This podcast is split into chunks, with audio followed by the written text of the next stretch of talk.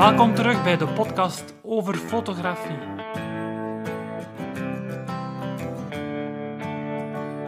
De Nederlandstalige podcast, volledig gewijd aan fotografie.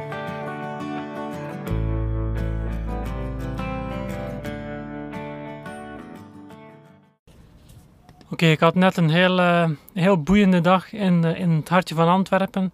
Ik heb toch, eh, het zal wel drie uur geweest zijn dat ik rondgewandeld heb voor straatfotografie. Met dus die Fujifilm GFX 50R die ik gehuurd had. Nu, ik wou eigenlijk voordat dan, dus er, komt zeker nog een, eh, er komen zeker nog twee podcastafleveringen rond die 50R. Ik zou het graag willen hebben over, eh, over het materiaal zelf bijvoorbeeld. Hoe dat het is om met zo'n uh, middenformaat digitaal fotografie op stap te gaan. Maar voordat ik daarmee begin, zou ik eigenlijk eerst iets willen zeggen over hoe huren, het, het, verhuren van fotomateriaal juist in zijn werk gaat. Wat dat kost, waar dat je dat kunt doen en dergelijke meer. Ik weet dat in, um, in de podcast van Gijs de Koning is dat al aan bod gekomen. Het was zelf uh, een suggestie van mij destijds, want op dat moment had ik zelf nog nooit niets um, gehuurd. Dus ik had nog geen ervaring met het huren van materiaal, dus ik was wel benieuwd wat dat juist inhield. En ik had gehoord van Gijs dat hij, dat hij daar wel ervaring mee had. Dus dan was dat wel interessant om... Uh, om even zijn, uh, zijn ervaring daar rond te kunnen horen in zijn podcast. Dus luister ook zeker naar zijn aflevering. Vandaag gaat het over mijn ervaring met verhuur. Eigenlijk, uh, wanneer is het interessant om iets te huren? Ik denk, er zijn twee situaties. De ene situatie is dat je bepaald, dat je op zoek bent naar een lens of een camera, een body die je zou willen aankopen. En dat is over het algemeen een groot bedrag dat je uitgeeft. Maar voordat je dat doet, die grote uitgaven, zou je graag willen weten of die camera wel echt het type camera of het type lens is dat je zelf zoekt. Of dat die ergonomie goed ligt in het geval van een camera. Of dat je met die lens overweg kunt en dergelijke meer. Of dat dat perspectief wel iets is dat voor u uh, geschikt is. Dus om eigenlijk, uh, je kunt het dan zien als een soort van dag om, uh, om de camera of de lens uitgebreid te testen. Zonder dat iemand op je vingers mee zit te kijken in de winkel of zo. Dus dat is zeker een, een interessante manier um, om materiaal te beoordelen. Juist omdat je dan ook echt dat materiaal kunt gebruiken in een situatie waarin dat je het zou willen gebruiken. Een andere situatie waarin dat huren heel interessant kan zijn, is als je iets nodig hebt dat vrij duur is en dat je eigenlijk niet zo vaak nodig hebt. Bijvoorbeeld zo'n middenformaat camera, deze die 50R, dat kost, uh, denk de body alleen is 5000 euro, de lenzen zijn minstens 1000 euro, dat is al 6000 euro voor een combinatie minstens 6000 euro. Dus als ja, vrij prijzig, als je dat maar een paar keer nodig hebt, is het misschien interessanter om dat gewoon die paar keer dat je dan nodig hebt te gaan huren. En dan hebben we het natuurlijk over de prijs. Wat zijn de prijzen? Misschien voordat we het over de prijzen hebben, waar kun je ze wel huren? Ik heb zo wat onderzoek gedaan en ik kwam al heel snel terecht bij Art Craft. En Art Craft is eigenlijk een winkel waar ik, uh, waar ik zelf veel van mijn Fujifilm materiaal koop. Uh, die hebben een winkel in Gent met, waar dan ze heel veel materiaal hebben. En die helpen ook, hebben ook goede prijzen, goede service, garantie en dergelijke meer, hersteldienst ook. Doen ook altijd mee met de promoties en officieel verkopend. Alleen kwam ik op een pagina uit als ik verhuur zocht uh, die blanco was. Dan heb ik meteen contact opgenomen met Art met de vraag of ze wel nog verhuren. En dan bleek dat ze dat in het verleden wel gedaan hebben, maar nu dus niet meer doen.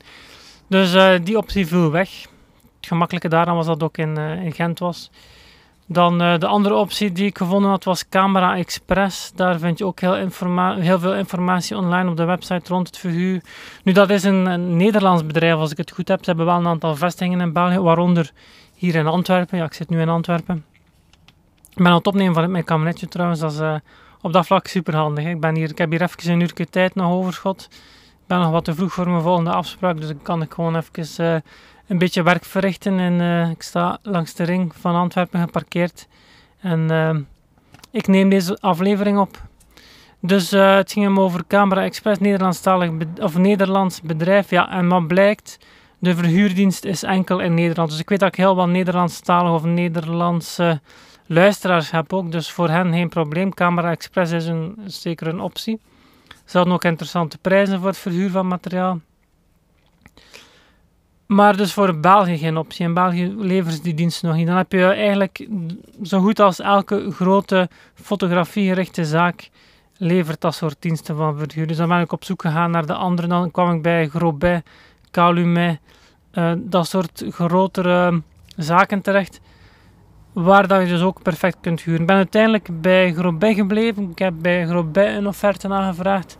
En bleek dat bij Grobet de prijzen net iets interessanter waren dan bij de andere.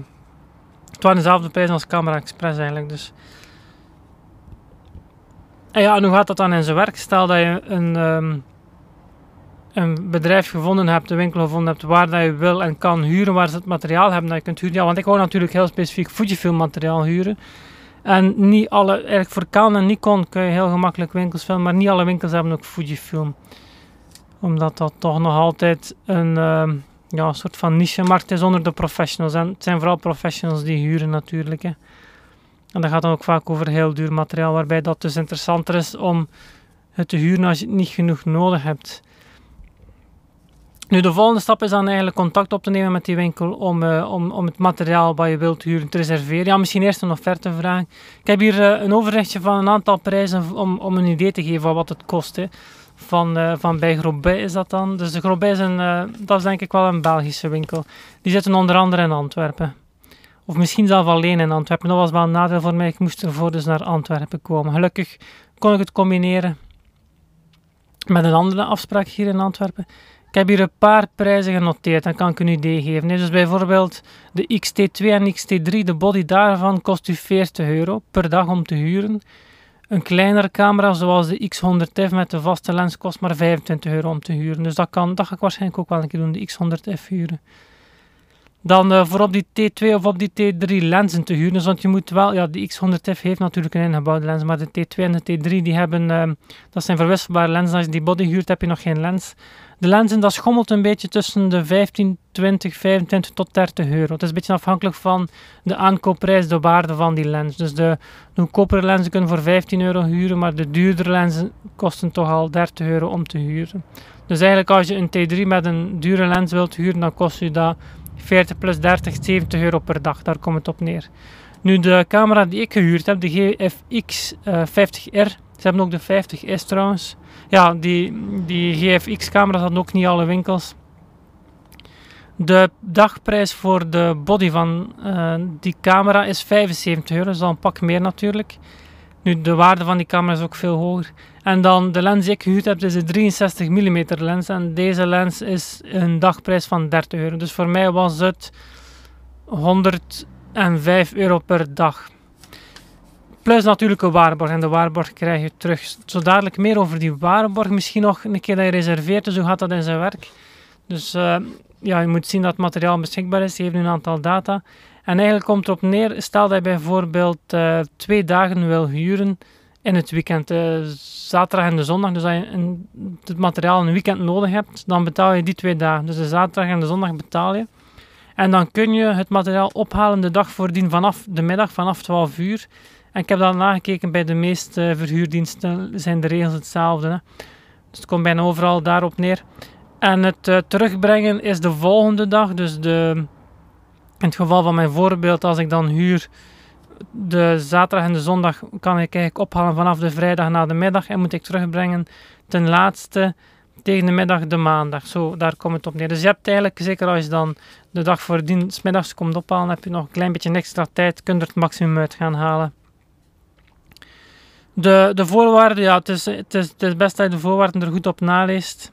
Um, ja, want net over de prijs, nee, misschien nog heel snel. Ik heb in totaal, ik heb iets van 200 N betaald om het drie dagen te huren. Ik had hem drie dagen nodig. En dan de waarborg heb ik uh, eh, 1300 euro betaald. Nu, die waarborg krijg ik natuurlijk terug. Als het over waarborg gaat, dat zal in de voorwaarden allemaal wat beschreven staan. Zeg. Maar als het over waarborg gaat... Ik heb trouwens ook gezien dat er uh, per dag, was het 7 euro denk ik, een, uh, een verzekering uh, aangerekend wordt. Nu, waarborg op zich, dat is het principe zoals, ja, zoals elke waarborg werkt. Dus als je het materiaal in ontvangst neemt, goed kijken dat het niet beschadigd is. En als je het materiaal dan terugbrengt, kijk je ook samen met de verkoper of het materiaal in, in goede staat is. Is dat niet het geval, ja, dan moet er bekeken worden wat de schade is en dan kan er eventueel van de waarborg een bedrag afgehouden worden. En dan zag ik dus dat er bij mij op de factuur ook een bedrag stond van 7 euro per dag voor de verzekering. Dus op zich is dat niet interessant, zeker bij dat duurdere materiaal, dat je er ook meteen een verzekering bij hebt. Dus ik heb er zeker geen probleem mee om dat bedrag te gaan betalen. Maar ik vroeg mij nu wel af wat dat eigenlijk het verschil is dan, of, of wat voor schade dan gedekt wordt door de waarborg versus welke schade die dan gedekt zou worden door de verzekering. Waar komt dat op neer? Dus dat was eigenlijk een vraag die ik zelf nog had. Dat, dat was niet helemaal duidelijk uit, uh, uit de voorwaarden ook. Dus heb ik die vraag even voorgelegd bij Grobet. Um, aan de persoon die mij, uh, die mij uh, bediende, die uh, aan de kassa mij hielp met de camera klaar te leggen en dergelijke meer. En het contract opstelde. En eigenlijk had hij zelf niet echt een goed idee wat dat, wat dat eigenlijk de correcte regels zijn. Kwam erop neer, hij wist me wel te, dat, wel te vertellen beter dat die verzekering verplicht is omwille van het duurdere materiaal. En dat de verzekering een franchise heeft van 200 euro. Dus als er iets gebeurt met materiaal, diefstal, schade, noem maar op, dan heb je eigenlijk zelf een franchise te betalen van 200 euro, maar de rest wordt dus gedekt door de verzekering. Hoe dat, dat dan uh, geregeld wordt met de waarborg, dan vermoed ik dat de waarborg gewoon waarschijnlijk gaat aan die 200 euro die franchise van uw waarborg en krijg je dan vervolgens de rest van het bedrag uit die waarborg terugbetaald, gezien dat de verzekering de herstelling toch dekt veronderstel dat dat... Uh, ze wisten het mij niet met zoveel woorden te vertellen. Ik had ook denk dat die persoon aan de kassa geen perfect Nederlands kon, of dat toch zeker zijn, uh, zijn moedertaal niet was. Maar in elk geval uh, wist hij er niet zo heel veel over. Maar dat is denk ik... Dat, dat is hoe ik het interpreteer.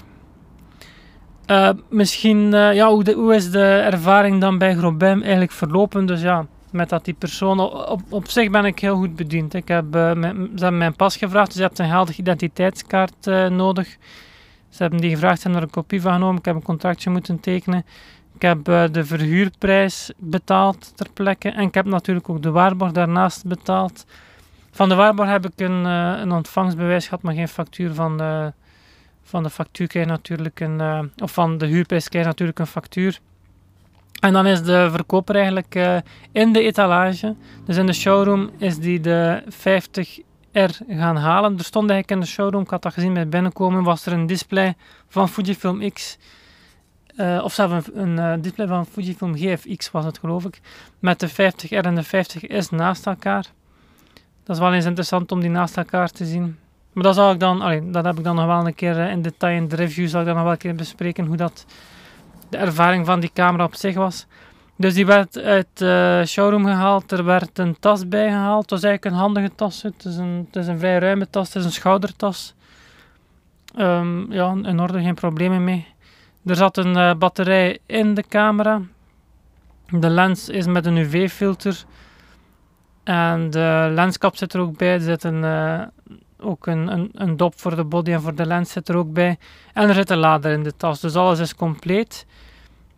Uh, een groot nadeel, dat was eigenlijk mijn grootste probleem. Dus uh, ja, probleem is veel gezegd hoor. Ik heb het uiteindelijk wel opgelost. Maar dat was wat grootste nadeel. Ik kreeg die camera vervolgens mee. En ja, ik ben hier in, uh, in Antwerpen. Dus ik dacht, ik ga meteen, ik ga die op tijd gaan halen rond de middag. Of zo snel mogelijk na de middag als dat ik hier raak. Want Antwerpen, ik weet niet of je Antwerpen kent. Maar het verkeer in Antwerpen is echt, zelf over de middag is het uh, frustrerend. Dan zit je eigenlijk midden in het vrachtverkeer en zo. Het is geen plezier, ik zal het zo zeggen, om Antwerpen binnen te geraken.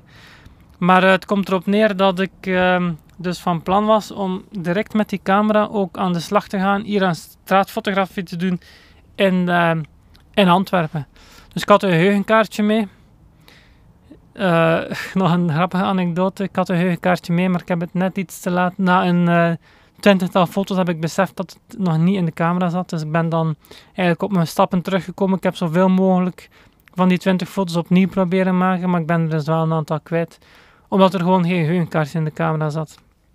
Met sommige camera's kun je dat instellen trouwens, dat je, dat je geen foto's kunt maken als er geen kaartje in zit. Hier zag ik toch niks op display dat aangaf dat er, uh, dat er geen kaartje in zit. Dus dat is ook misschien al een tip, uw camera van zodra je die ontvangst neemt gewoon resetten. Maar ik heb nog altijd niet gezegd wat dat mijn grootste probleem was.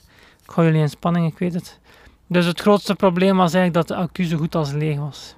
Ik heb letterlijk een uh, veertigtal foto's kunnen nemen. De accu was vervolgens leeg. Hij, hij pinkte al van, allee, het was al een rood pinkend logo van het moment dat ik hem de eerste keer inschakelde. Dus ik heb het uh, een beetje creatief moeten oplossen. Je kunt volgens mij wel, ik had een, uh, een, een batterij, een draagbare batterij mee Maar ik had niet het juiste kabeltje bij, want het is blijkbaar een USB-C kabeltje. En ik had een, ik had een Lighting en een USB mini, een mini USB kabeltje mee. Maar geen USB-C natuurlijk.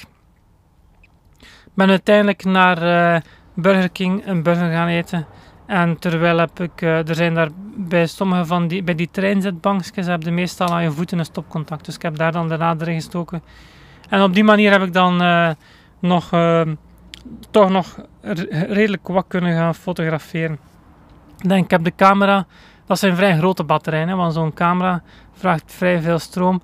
En ik heb die een half uur laten laden en ik had twee streepjes op de accu. Dus nog altijd niet superveel.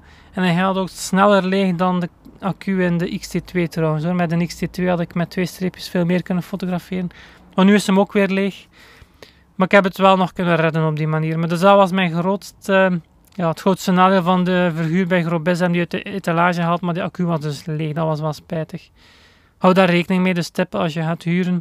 Ik heb denk ik twee tips. Eén tip, of drie tips misschien. Eén tip is van de camera te resetten, zodat de instellingen allemaal uh, standaard staan. En misschien op voorhand ook kijken hoe je die camera bedient als je de camera op zich niet kent. De andere tip is van dus uh, maximaal gebruik te maken van die verhuurperiode door uh, de dag voordien vanaf 12 uur en ten laatste dag nadien uh, eh, 12 uur terug te zijn. Dus dan kun je die periode maximaal benutten. En een andere tip is van te al de nodige kabels mee te nemen en een accu dat je zeker kunt bijladen onderweg. Zo, dat was het voor deze aflevering rond verhuur. Ik hoop dat dat nuttig was, dat je daar iets uit geleerd hebt. Als er vragen zijn rond mijn ervaring met de Fujifilm GFX of rond de ervaring van het huren op zich, Laat zeker iets weten, ik hoor het graag en ik zal dat met heel veel plezier beantwoorden. Zo, dat was het weer voor deze aflevering van de podcast over fotografie. Allemaal bedankt om te luisteren. Ja, als er vragen zijn, dan uh, mag je die altijd, of opmerkingen of uh, voorstellen van bepaalde onderwerpen of suggesties, wat dan ook. Je mag die allemaal doorsturen via e-mail naar hans.hcpl.be. Dus Hans is mijn voornaam HCPL spel je Hotel Charlie Papa Lima en .be is de domeinnaam voor België. Dus uh, altijd welkom. Ik doe mijn best om alles te lezen en te beantwoorden en indien mogelijk verwerk ik natuurlijk ook alles graag in de podcast. En dan zal ik je naam zeker, je voornaam zeker vermelden. Dus uh, tenzij dat je natuurlijk vraagt om anoniem te blijven. Dus dat was het voor deze aflevering. Bedankt voor het luisteren en graag tot de volgende.